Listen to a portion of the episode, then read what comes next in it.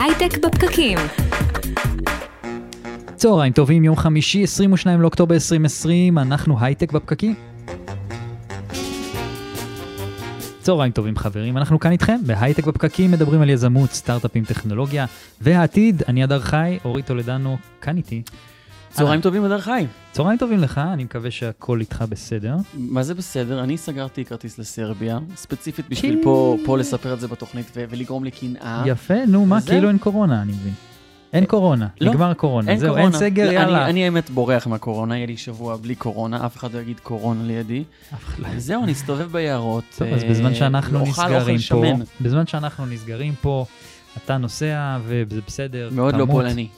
בהפקה של- פולני הבוקר, אז לא צהריים. בהפקה של התוכנית היום, נירית כהן וטל חי, אנחנו משדרים לכם גם בפייסבוק, לייב של כלכליסט ואיצטדיון הסטארט-אפ, ואתם מוזמנים לשלוח לנו דברים, אנחנו uh, תמיד אוהבים את זה. אתם יכולים לחפש אותנו גם בפודקאסטים, סאונד קלאוד, כל האלה, אז ובאפליקציית הפודקאסטים של רדיו תל אביב, צריך להגיד גם, לגמרי, אז אנחנו גם שם, uh, והיום אתה יודע על איזה בעיה אנחנו מדברים? אנחנו מדברים על בעיה. איזו בעיה?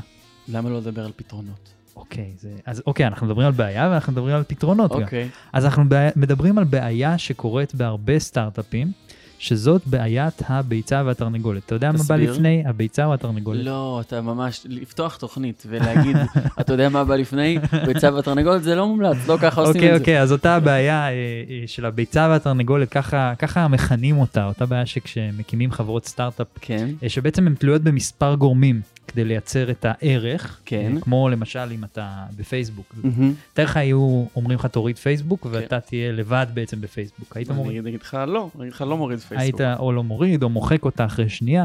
אז, אז באמת זה העניין, שקשה מאוד להביא את המשתמשים אתה הראשונים. מדבר בעצם לנסות לייצר את המסה הקריטית של המשתמשים, את אותם כן. הראשונים שיורידו את האפליקציה שלי, כשבמיוחד כשמדובר בנגיד אפקט רשתי, סופר קשה. סופר קשה, וגם אתה מדבר, לא אמרת, אבל אתה מדבר על marketplace, שיש לי שני גורמים, נכון. אחד היצע, אחד נכון, ביקוש, נכון. נהגים ומוניות למשל. שנדבר כן, על זה. לגמרי. אז, אז זה בדיוק העניין. אנחנו רוצים להבין, אם לא נביא משתמשים, אז איך יהיו משתמשים שירצו להיות, בקיצור, נראה לי הבנו. הבנו. ויהיו איתנו בתוכנית גיגי לוי וייס, שהוא אחד המשקיעים המוכרים, שגם הוא עוסק ספציפית באפקט הרשת והוא מכיר את הבעיה הזאת אה, היטב, ויהיה איתנו גם מרק און, מנכ"ל גט ישראל, החברה הזאת שמזמינים דרכה מוניות, ו-. אה, וגם אה, דורין שרון, יזמת של סטארט-אפ להשכרת חללי פגישות, וכל אחד מהאנשים הללו התמודד עם הבעיה הזו, ואנחנו כאן כדי ללמוד מהם על יפה, פתרונות, אורי. יפה, יפה. ואנחנו מתחילים עם אה, גיגי לוי וייס, והוא שותף מייסד בקרן NFX. גיגי, צהריים טובים. אהלן, מה העניינים חבר'ה?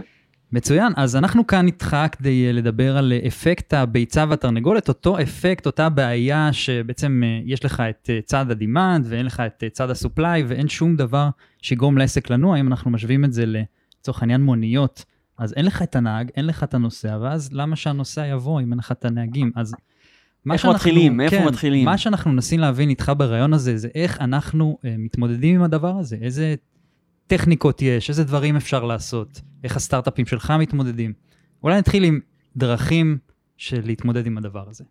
טוב, אז אה, קודם כל צריך להגיד שהדבר הזה, כמו שאתם קוראים לו, אה, הוא אחת הבעיות הכי מהותיות בסטארט-אפים אה, שמבוססים על אפקט הרשת, Network Effect, אה, שאנחנו כמובן מאוד אוהבים, ככה קראנו לקרן, NFX, על שם Network Effect, אה, וזה נכון בכל דבר, זה נכון ב marketplaces, כמו שהזכרתם, מוניות, נהגים, מוניות, שני צדדים, אה, נכון ב marketplaces כמו אי-ביי, לגודס, מוכרים, קונים, קונים, מוכרים, תכף נדבר כן. על כל הדוגמאות האלה, רשתות, אבל זה נכון גם, לרשת, גם לרשתות, בדיוק, כי אם אתה, אם אני מחר רוצה לעשות את הפייסבוק שלי, שהוא יהיה הרבה יותר יפה ולא כחול, הוא יהיה ירוק, כן. אה, והפיצ'ר שלנו יהיו יותר מגניבים, אף אחד לא שם. אבל אני אבוא, בדיוק, אני אבוא ואתה תרצה לבוא, אבל אין שם את כל החברים, אז אחרי מי תעקוב, מה תסתכל, איזה פוסטים תראה, ולמה שהם יבואו, אה, אם בדיוק. יש שם רק אותי. וזה לא, אני- שמנס, זה לא שלא ולכן- מנסים, המ- המון אנשים מנסים לעשות, להתחרות בפייסבוק, אבל זה בלתי אפשרי נ- במצב נכון, הקיים. נכון, כולל, זה הכוח של נטוורק.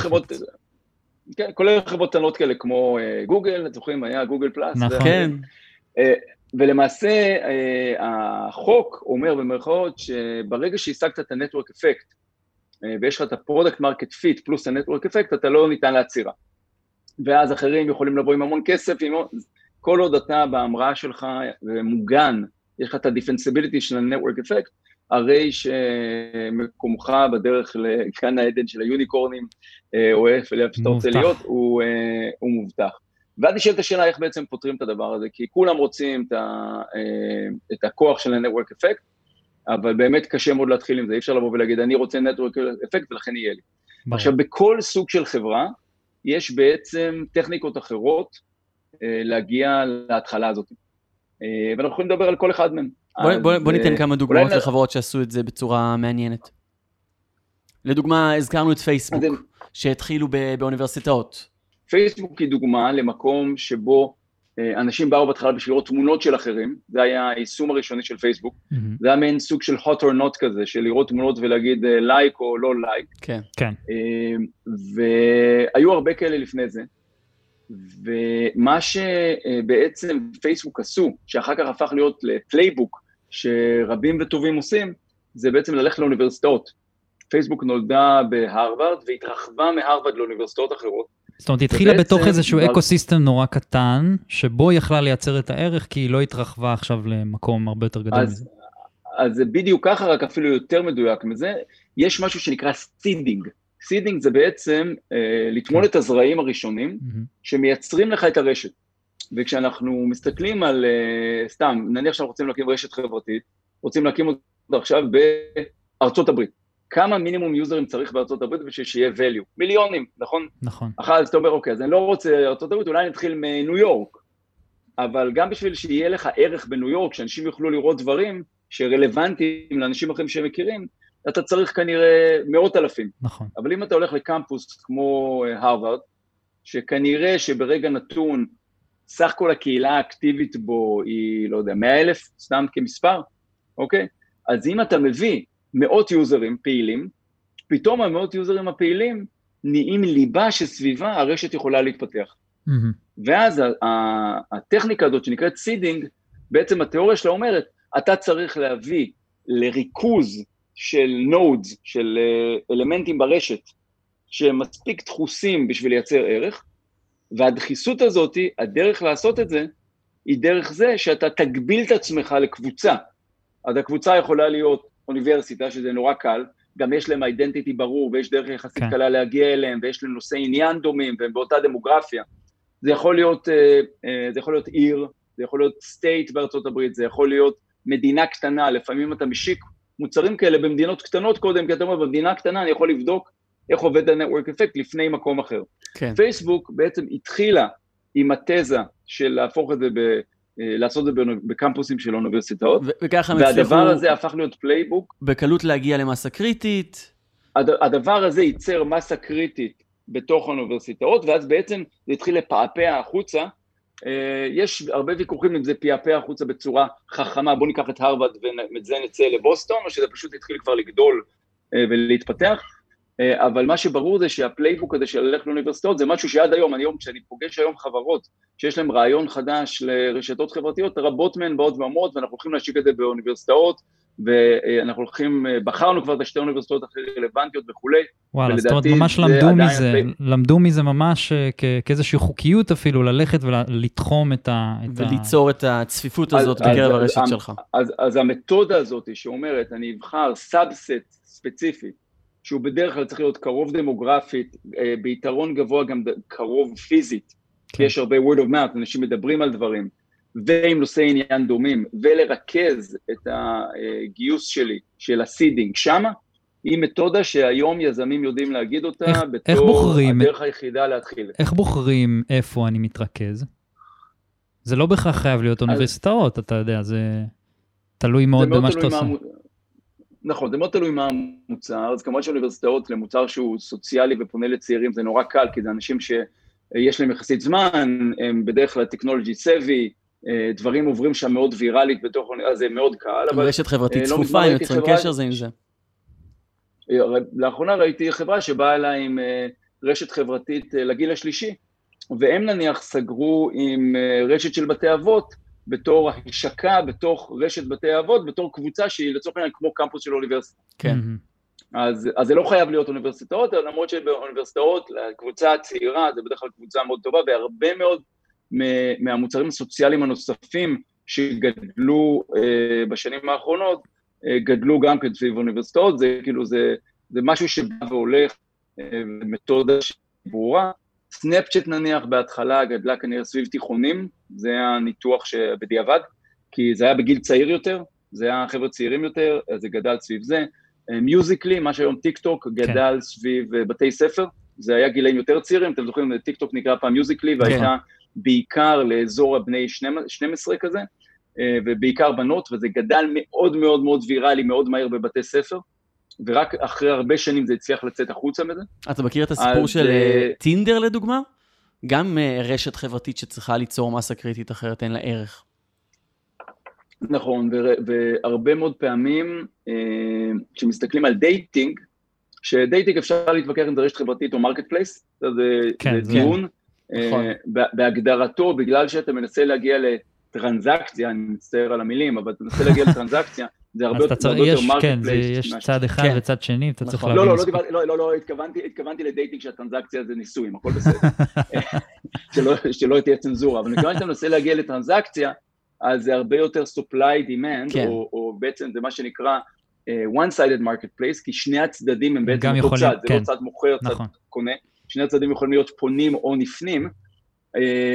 אבל dating בתור עוד אה, מוצר שמרוכז על network effect, מחייב גם כן ריכוז, ואז אנחנו רואים ב dating שתי תופעות מעניינות. האחת, אנחנו רואים שחברות dating משיקות מאוד גיאוגרפית. כן, זה צריך להיות location based. כלומר, כשאתה משיק חברת dating, כן. אתה, אתה אומר, וכמעט כולם נניח מתחילים במקומות כמו ניו יורק או LA, איפה שיש הרבה, אה, הרבה אנשים עדיין רווקים, ואומרים, אוקיי, זה המקום שנתחיל, ואם נצליח בניו יורק, אז נתרחב למקומות אחרים. Mm-hmm. הדבר השני שאנחנו רואים זה דווקא סגמנטציה אחרת, אה, שיכולה להיות סגמנטציה של אקדמאים, יהודים, גריינדר כסגמנטציה ללהט"בים, או כן. כל דבר אחר, שבעצם בא ואומר, אם אני לא, אני לא אעשה סגמנטציה דווקא רק גיאוגרפית, אלא אני, אחדי, אני אעשה לעצמי קבוצה עוד יותר קטנה. להיכנס לאיזושהי נישה מאוד כן, ספציפית, שבה... ואז להקטין את הגודל המקסימלי. בדיוק, ואז הקבוצה אומרת, ואז בעצם אני יכול לייצר מצב וזה כל מה שאני רוצה, שבפחות אנשים אני מייצר seeding יותר, יותר רלוונטי. תחשבו על אפליקציה dating,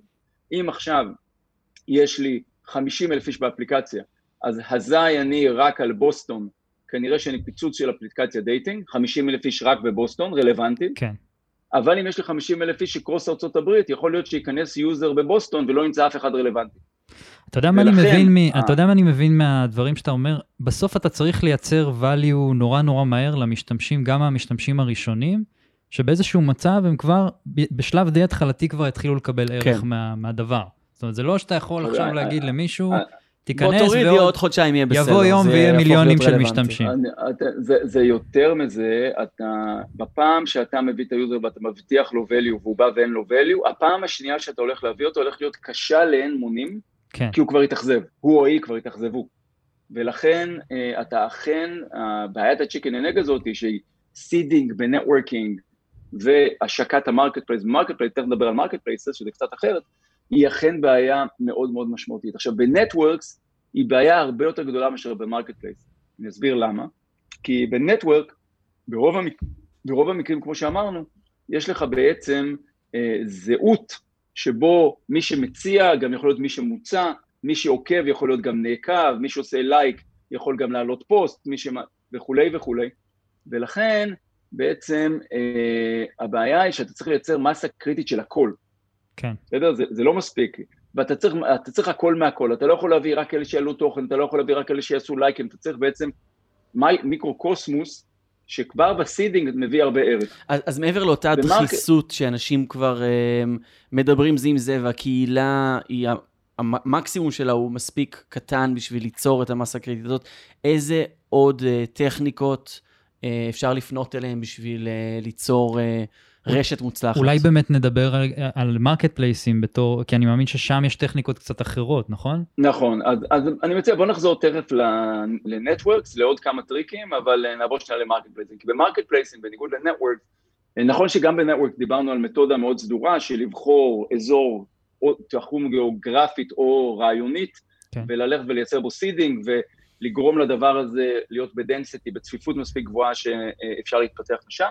ב marketplaces החיים יותר קלים ויותר קשים אה, בו בעת. הסיבה היא שב marketplace בדרך כלל אין לנו זהות שכולם הם הכל.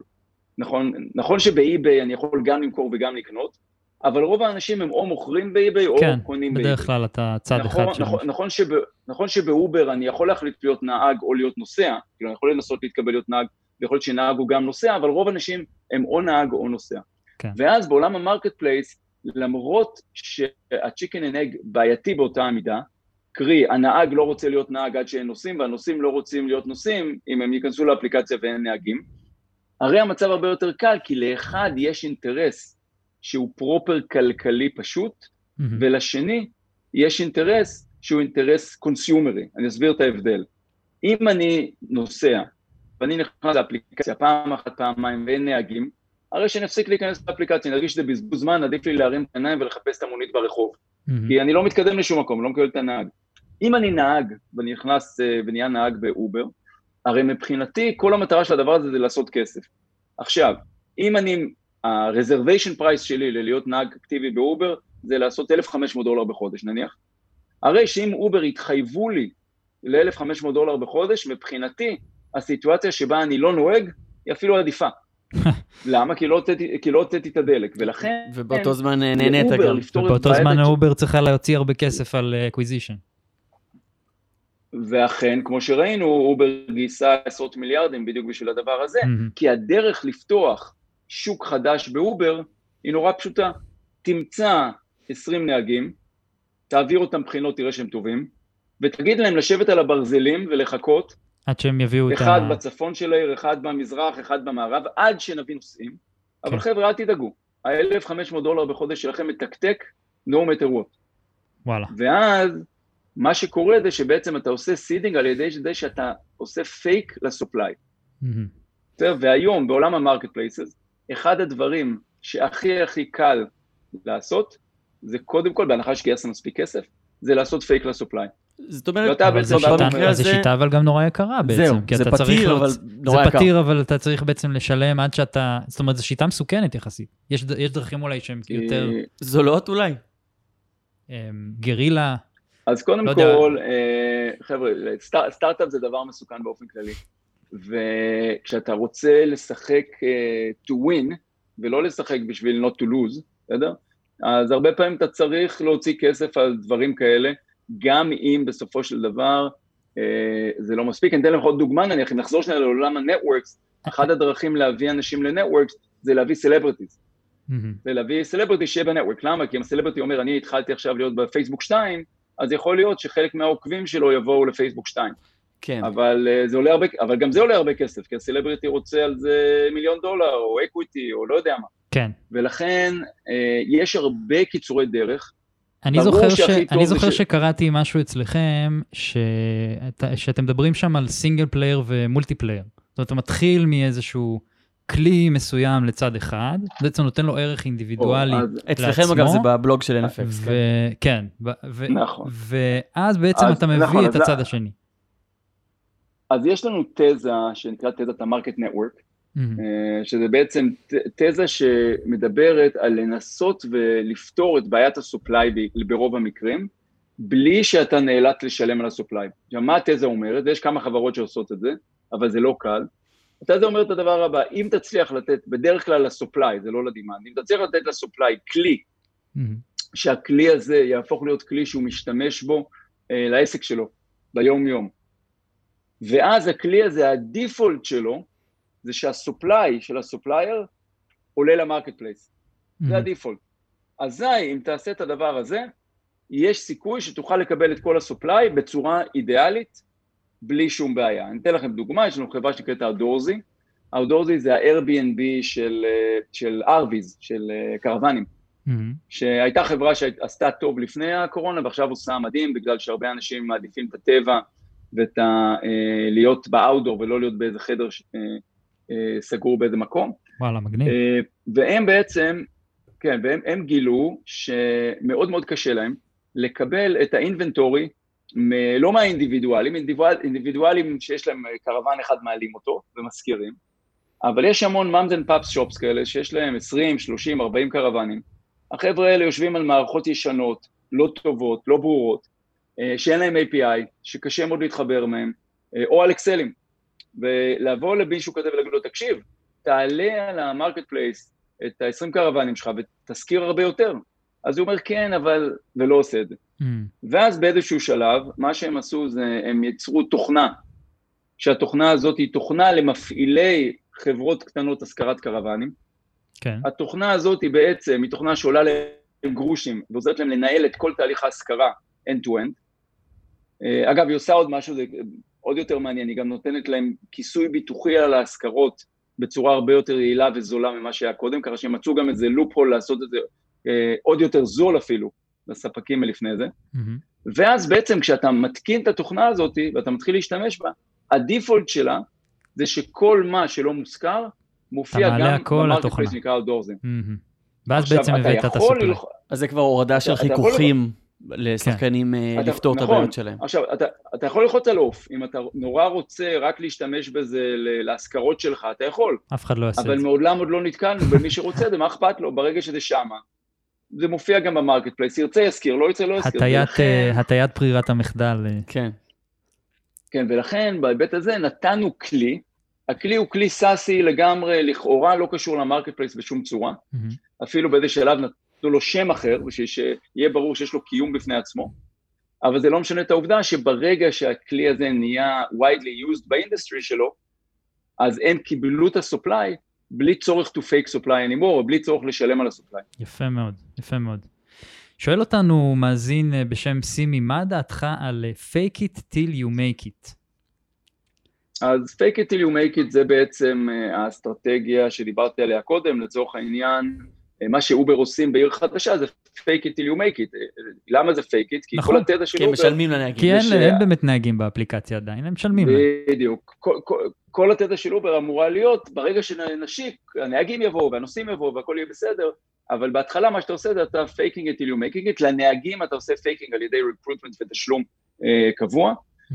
ולנוסעים אתה עושה fake it הרבה פעמים על ידי זה שאתה נותן להם נסיעות חינם, אבל לנהג אתה משלם.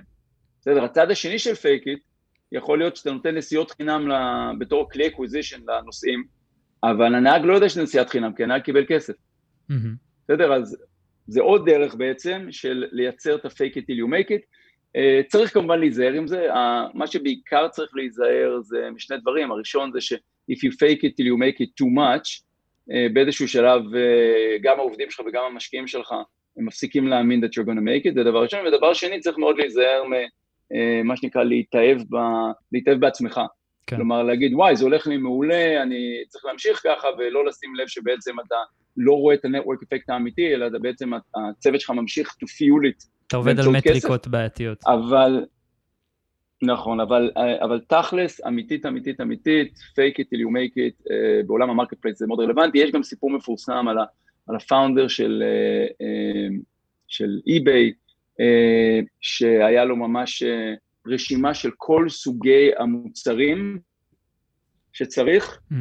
שיהיה באי-ביי לדעתו, קטגוריות, ואז אה, על כל קטגוריה כזאת, בכל רמות מחיר, היה לו ירוק, אדום, צהוב, ירוק זה יש לנו מספיק מוצרים כרגע, כן. בסוג הזה, בקטגוריה הזאת, בשביל שכל user שיבוא, יהיה, אה, אה, זה יעבוד לו, את משהו, הוא יראה את מה שהוא צריך לראות, את הכמות מוצרים שהוא צריך לראות, צהוב אם יש בערך, ואדום אם אין מספיק, ובעצם כל צוות ה-seller acquisition, עבד כל הזמן על לעשות שכל הטבלה תהיה ירוקה. כן, כן. אם יש אדום אז להעביר. זוכר, נכון, ואז אני זוכר שיחה עם, ה, עם ה founder של Thumbtack, של ה marketplace services, שאמר לנו שהוא עושה אותו דבר אצלו בחברה, רק שאצלו זה עוד יותר קיצוני, uh, כי הוא, יש לו אחד כזה לכל עיר. בכל עיר שהוא עובד הוא צריך אינסטלטורים, הוא צריך uh, uh, רצפים, הוא צריך כל דבר, ובעצם בכל עיר יש מישהו שאחרי שהכל יהיה ירוק. שהכל יהיה, שהכל יהיה מספיק ירוק, ואז בעצם אה, זה נשמע קצת fake it, אבל אמיתית זה שאתה צריך לשמור את ה marketplace שלך balanced. כן. ואם הוא לא יהיה balanced... אתה חייב גם לתחזק אתה... אותו, זה, זה, זה אפילו לא בעיה נכון, שהיא לגמרי. רק של התחלה, אתה חייב, אתה נכנס לעיר חדשה, אתה, כן, נכון. פתאום, יש, פתאום יש מעט supply במשהו, אתה צריך איזושהי תחזוקה לדבר הזה, לנהל את זה. גיגי, התחלנו, התחלנו את השיחה כשאנחנו מדברים על Network Effect, אפקט הרשתיות, אה, שהוא בעצם כמנגנון הגנה עבור חברה להמשיך ולהיות חזקה ולמנוע תחרות של אה, מתחרים חדשים. אה, כמו הדוגמה של לך תתחרה בפייסבוק עכשיו. אבל אחרי... ולייצר לה שווי משוגע. כן. נאמר והצלחנו, אוקיי? כן. נאמר והקמתי את וולט, או פייסבוק, או וואטסאפ, רשת חברתית. כל הכבוד לך קודם כל. כן, נכון, אני אבוא להתראיין בפודקאסטים אחרים. איך אני, איזה מטריקות אני צריך לשים לב אליהם בשביל לשמור על היתרון שלי שכבר השגתי. נגיד בדוגמה של eBay שהעלינו לפני רגע, הרי אמזון עקפו אותם בסופו של דבר ב, ב, בסך הכל ברוב הדברים. מה המטריקה שאי-ביי לא שמו לב אליה ואמזון כן? אני חושב שיש שילוב של כמה דברים. במקרה הספציפי הזה אה, קרו שני דברים מקבילים. אה, יש פה שתי חברות שהתחילו מגישה שונה לגמרי וקצת התכנסו, אבל אחת עשתה את זה יותר טוב. אמזון התחילה בתור own and operated, בתור בעצם חנות. כן. בסדר? אמזון עד כדי החזיקה אינבנטורי בהתחלה כן. של מוצרים, ואי-ביי התחילה בפיור אינטרנט, אה, בעיה שלכם, תעשו אתם, אה, אה, אנחנו כאילו נאפשר לכם את הפלטפורמה ואתם בסוף תחליטו איך לשלוח או איך לקבל את המוצר או כל דבר. מה שקרה בדרך זה שילוב של שני דברים, הראשון הוא שלצורך העניין, שאנחנו רואים את זה אגב גם בהרבה מקומות אחרים, תכף אני אסביר, הראשון זה שאמזון בגלל הגישה שלהם שמו הרבה הרבה יותר דגש על חוויית המשתמש והפלפילמנט. בסדר? זאת אומרת, אמזון הבינו שבאי-קומרס בסוף בסוף זה לא מספיק רק UX טוב או משהו, אם המוצר לא מגיע אליך כמו שצריך, ביום שאמרו לך, אה, במחיר שאמרו לך, ב delivery שאמרו לך, אז זה לא משנה שהעמוד טוב. אז כן. אמזון נהייתה אלופת העולם ב supply chain, החברה הכי טובה ב supply chain בעולם כולו, אה, בזמן שאי-ביי כאילו הזניחה את זה, נתנה, לה, נתנה ל users להמשיך לטפל בזה. ואז ביום שבו אמזון החליטו גם לפתוח marketplace, ולאפשר לאחרים ל...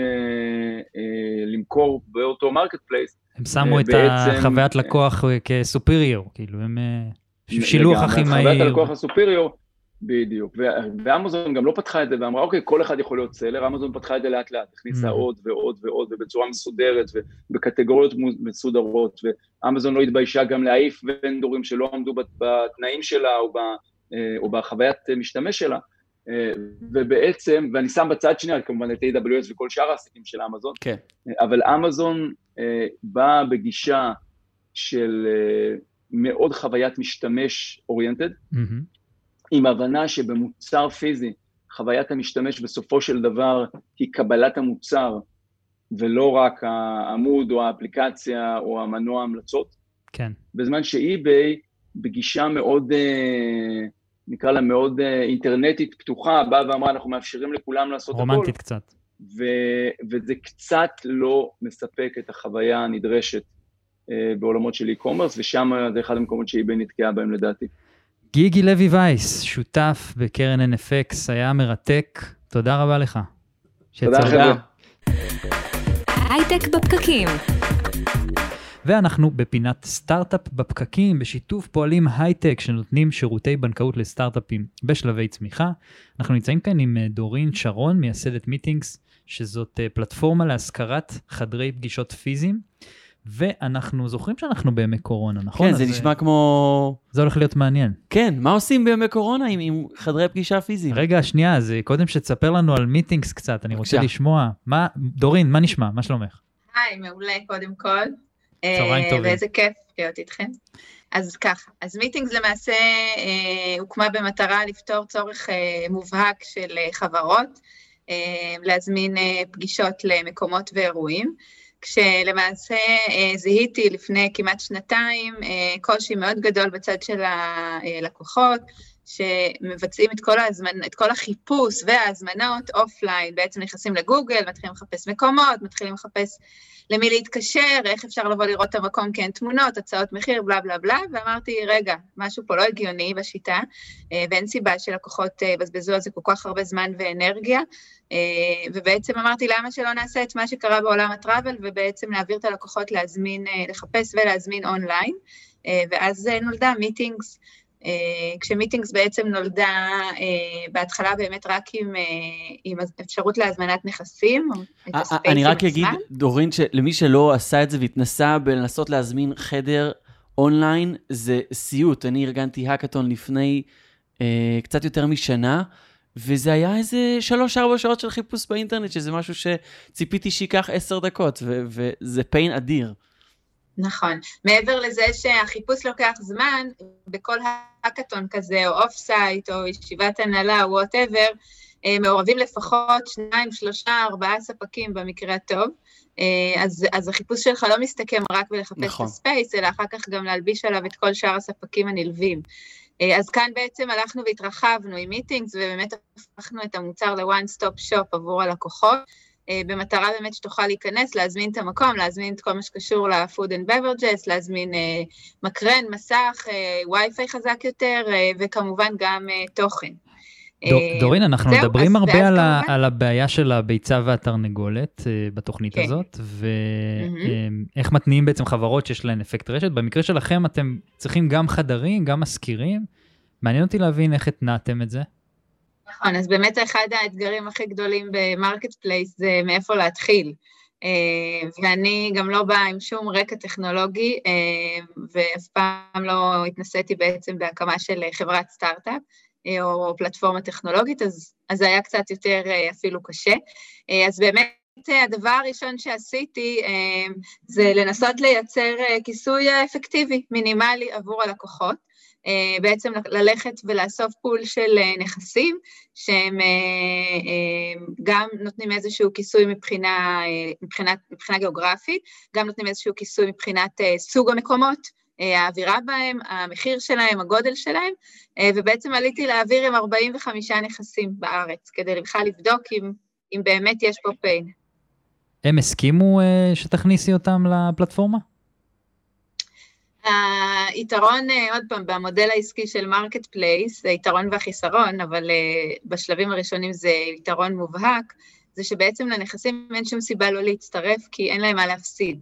זאת אומרת, לא, אני לא מבקשת מהם לשלם לי עבור זה, אני לא מבקשת מהם אה, להתחייב לי לאיזשהו תנאי או טווח זמן, אלא בואו תצטרפו, אני אה, בעצם מייצרת לכם עוד traffic, וה-traffic הזה הוא גם לא רק traffic שמתורגם ללידים, אלא הוא traffic שמתורגם להזמנות אמיתיות של לקוחות שכבר שמו כרטיס אשראי, שילמו, ובעצם העסקה סגורה. אה, ולשמחתי הרבה, באמת ה-40 הראשונים הסכימו להצטרף ואמרו לי, קדימה, בואי נראה מה את יודעת לעשות, ובעצם מפה, מפה הלכנו וגדלנו, כשעם ה-40 האלה בעצם עלינו לאוויר עם איזשהו מוצר MVP,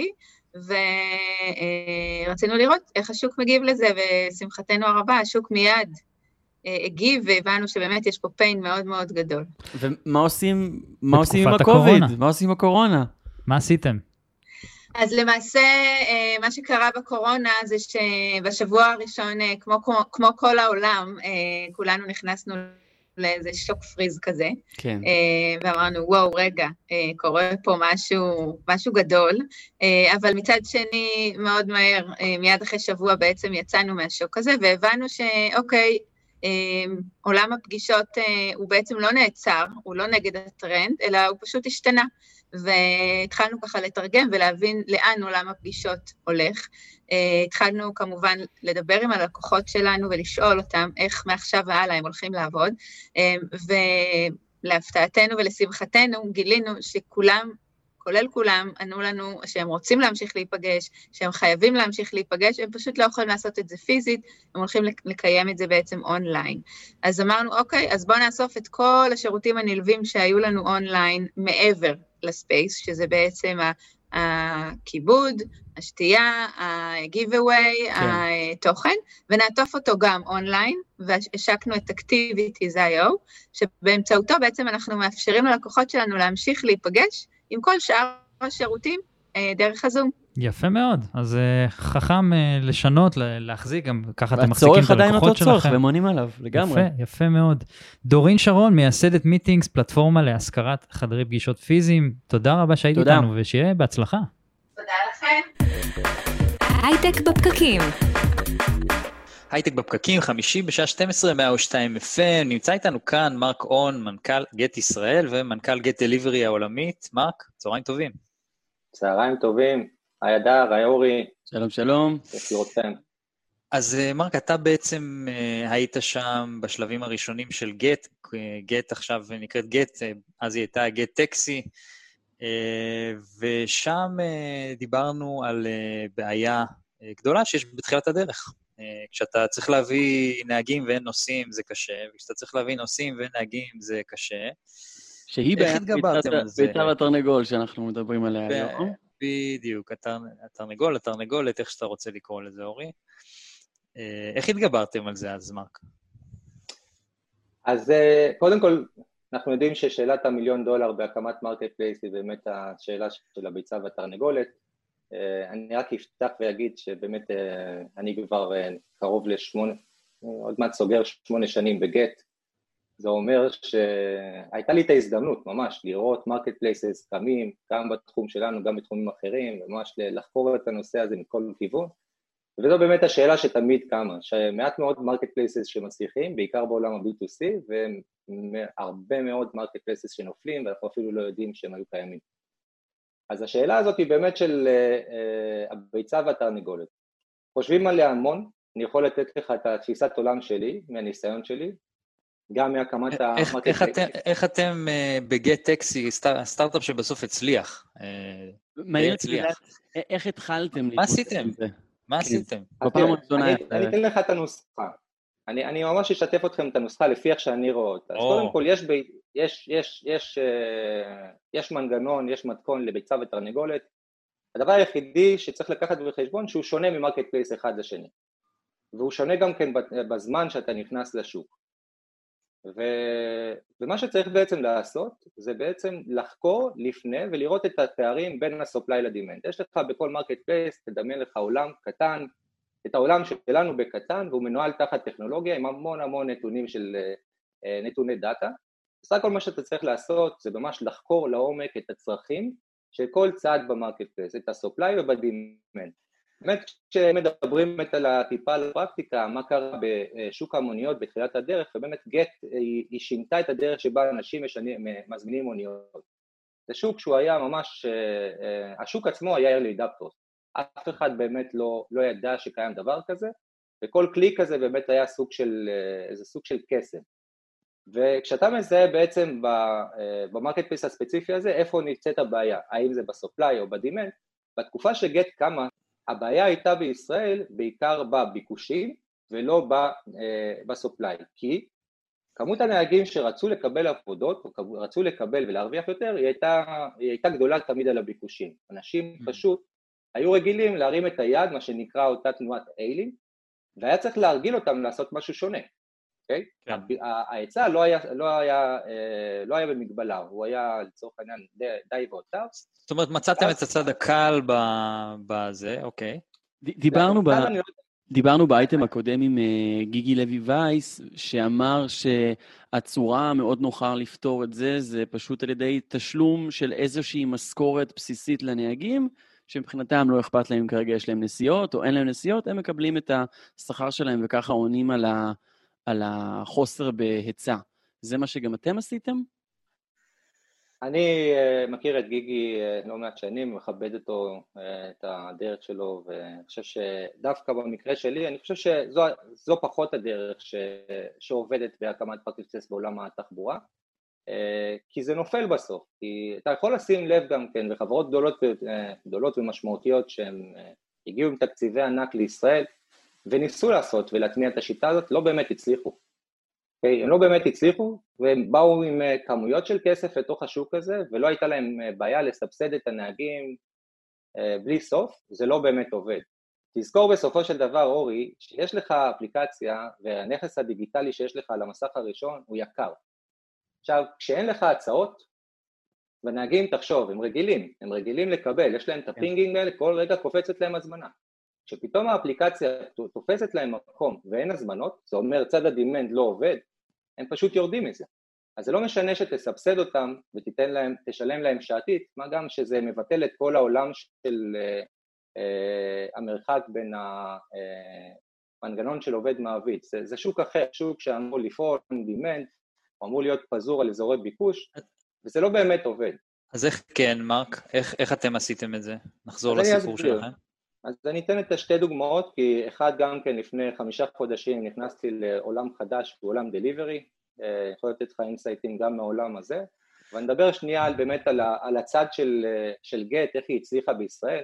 אז אמרתי שיש איזה סוג של שוני בין, בין marketplace אחד לשני ובזמן שהוא נכנס. בזמן שאנחנו נכנסנו, באמת היה צורך של הנהגים לקבל הצעות, הם רצו את העבודה הזאת, ובעיקר זה קרה בצד הנהגים העצמאיים. פעם היו נהגי תחנות בישראל והיו נהגים עצמאיים. הנהגים עצמאיים לא באמת זכו לעבודות, מה שאמר, מה שגרם להם לרצות, ה-acceptance rate שלהם היה מאוד גבוה לקבל כל הצעה, וזה יצר, מוצא, זה יצר לך בעצם market uh, place שהוא reliable, reliable זה אומר אתה לוחץ אתה מקבל, לא היה פשוט לחלוטין, אני יכול לספר לך עוד דבר אחד קטן, רגע, ש... זאת אומרת, אני רוצה להתעכב שנייה על הנקודה הזאת. אתם בעצם אה, אה, מצאתם את הנהגים העצמאיים, אלה שממש צריכים, את, את, את החלק הזה של ה-supply שממש צריך עבודה, אה, מה שנקרא הצד שהוא הכי הכי צריך את המוצר שלך, ובאתם אליהם, תפסתם אותם אחד-אחד, הכנסתם אותם, ואז בעצם היה לכם את ההתחלה של, ה, של, ה, של ה-marketplace. בגדול אתה צודק, והאמת שגם בקטן, אה, בפועל אתה צריך למצוא גם בצד ה-supply את מי שרוצה. עכשיו, תחשוב שהדרך הקלה ביותר, ורוב החברות מחפשות את הקיצורי דרך, אתה יכול לפנות לתחנת מוניות ענקית או לתחנות מוניות, בואו אליי ותצטרפו ל-marketplace. אין להם שום אינטרס לעשות את זה. להפך, יש להם אינטרס לא לעשות את זה. כן. אז אתה צריך למצוא את הצד הזה שבאמת הוא, הוא, הוא willing to accept אה, את ההצעה שאתה נותן לו. ואז החוויה היא באמת הרבה יותר טובה. אני מזכיר לך, ואני מקווה מאוד שאתם זוכרים, שמונה שנים אחורה, זה היה סוג של קסם. הנהגים היו מאוד מאוד אדיבים כי הם רצו כל הצעה והצעה. הקושי האמיתי היה דווקא בתקופה הזאת, הוא צד ה demand. היום זה לא נראה ככה, כי ה demand הוא פי, ש... פי ארבע. והסיבה כן. לזה גם כן שה demand שלך גדל באותו marketplace, כי once הכנסת את אותו כרטיס אשראי, גרם לכל יוזר שהיה רגיל לעשות נסיעה אחת בחודש לעשות ארבע. למה? כי הקלות, והדבר החשוב ביותר, אדר, כן, אתה הורדת market... את העלויות מעבר שלך, מה שנקרא. פעם אחת נכנסת, אז זה כבר קל אה, להמשיך. זה כן ולא, ואני חושב שהמטריקה החשובה ביותר בכל marketplace, אני יודע, שאני, אני, אני חושב שזה הנוסחה, לא רק להפעיל את ה marketplace או אה, לברוא אותו, אלא איך לשמר אותו ואיך להגדיל אותו. Mm-hmm. זה מונח שנקרא Reliability. Reliability זה אומר שאתה, once אתה לוחץ, אתה מקבל. ואני רוצה להזכיר לכם, שנה וחצי אחורה היינו חוטפים מלא מלא תלונות שאין זמינות בעצם אה, בשעות הפיקים. זה היה, אתם זוכרים את זה בטח, ניסיתם, כן. ראיתם, היה, נכון. הייתה בעיה. בחצי שנה, סליחה, שמונה חודשים האחרונים, תלונה אחת לא מתקבלת. למה? כי ה marketplace הפך להיות reliable. ואתה יודע מה הדבר המשמעותי ביותר שקורה, אדר? once פתרת את הדבר הזה, הקוהורטות של ה user base הקיים שלך גדלות, מכפילות את עצמם ומשלשות אותם. ומה זה אומר? היוזרים נשארים לאורך הרבה יותר זמן. הם לא רק נשארים, הם גם עושים יותר. הם גם כן. עושים יותר, הם פשוט במקום 2-3 נסיעות בחודש, הטופ הרפמים שלך פתאום עושים 6 ו-7. למה? כן. כי הם מבינים שהם יכולים לשחרר את הרכב הפרטי. אז, אז ברגע, ברגע ש... אני חושב שנוסחת הקסם הראשונה שהבנתם בגט זה שצריך כל כל הזמן לאזן בין ההיצע לבין הביקוש, ואתם הגורם המקשר שגם עושה את זה. אבל ברגע שכבר הצלחתם להגיע איזשהו איזון, אתם כל הזמן צריכים להישאר עם היד על הדופק ולשמור על האיזון הזה, וגם לפתור מצבי קיצון אה, כמו שבאמת אה, כולם מבקשים מונית בליל הסילבסטר, או כל מיני ימים כאלה שכרגע נראים בעבר הרחוק שלפני הקורונה. אז איזה עוד מדדים אתם שמים לב אליהם בשביל באמת אה, להישאר גורם מאוד אה, משמעותי בשוק המוניות? אז, אז קודם כל אנחנו לא רק בשוק המוניות, אנחנו בשוק הדליברי ובשוק כן. ה-B2B שמאוד מפותח uh, uh, בגט, אבל ספציפית לשאלה שלך, אני רוצה שתנסה לדמיין עכשיו שני ג'ויסטיקים שיושבים לך, יש אלגוריתמיקה מאחורי הקלעים, היום גט עובדת בטכנולוגיה מאוד מתקדמת שמבוססת על אלגו ו machine learning, אתה לא יכול לנהל marketplace בצורה, אה, בצורה ידנית, הכל כאן קורה בצורה של אה, באמת אה, שני ג'ויסטיק כאלה תמיד מעלים את הצד ה-supply ומעלים את צד ה-demand בהתאם לביקושים, וזה בעצם מה שפותר לך והופך לך את המוצר ל-reliable.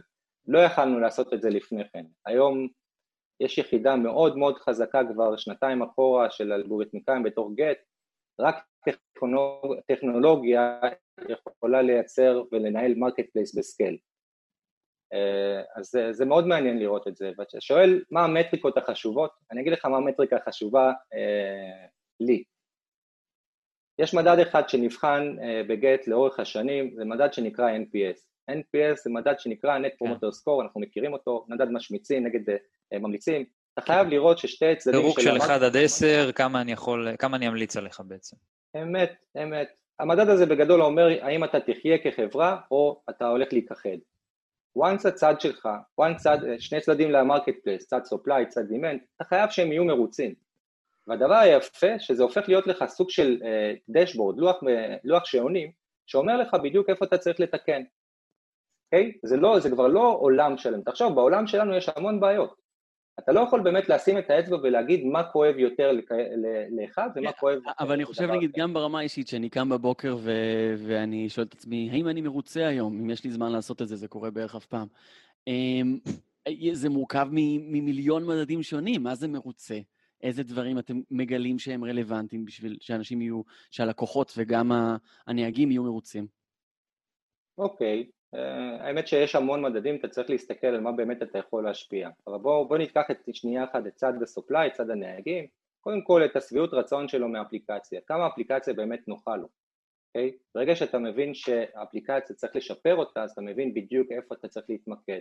דבר השני, אתה רוצה להבין האם ההצעות שהוא מקבל, הנהג, הוא שבע רצון מהם, האם ה pricing של הנסיעות האלו הן הוגנות, אוקיי? ואז אתה באמת יודע האם השירות שהוא מקבל מהחברה הוא באמת שירות שהוא שבע רצון אה, להישאר engaged אה, למערכת. once אתה רואה את המדדים האלה, וזה לא מדד שפעם אחת אתה עושה את הסקר וזהו, זה מדד שאמור ל, אה, ללוות אותך לאורך כל השנים, כל הזמן, כל חודש אתה רואה בעצם את הטרנדים. אנחנו פה בישראל נמצאים בשוק שהוא תחת רגולציה, אז pricing זה לא באמת issue, אבל כן. תחשוב שבשווקים אחרים שמבצעים לך surge pricing ועושים לך דיסקאונטים בכל מיני כיוונים, הדבר הזה הוא קריטי, במיוחד בשווקים שיש להם המון תחרות, אתה צריך להיות אה, מאוד רגיש לנתונים האלה.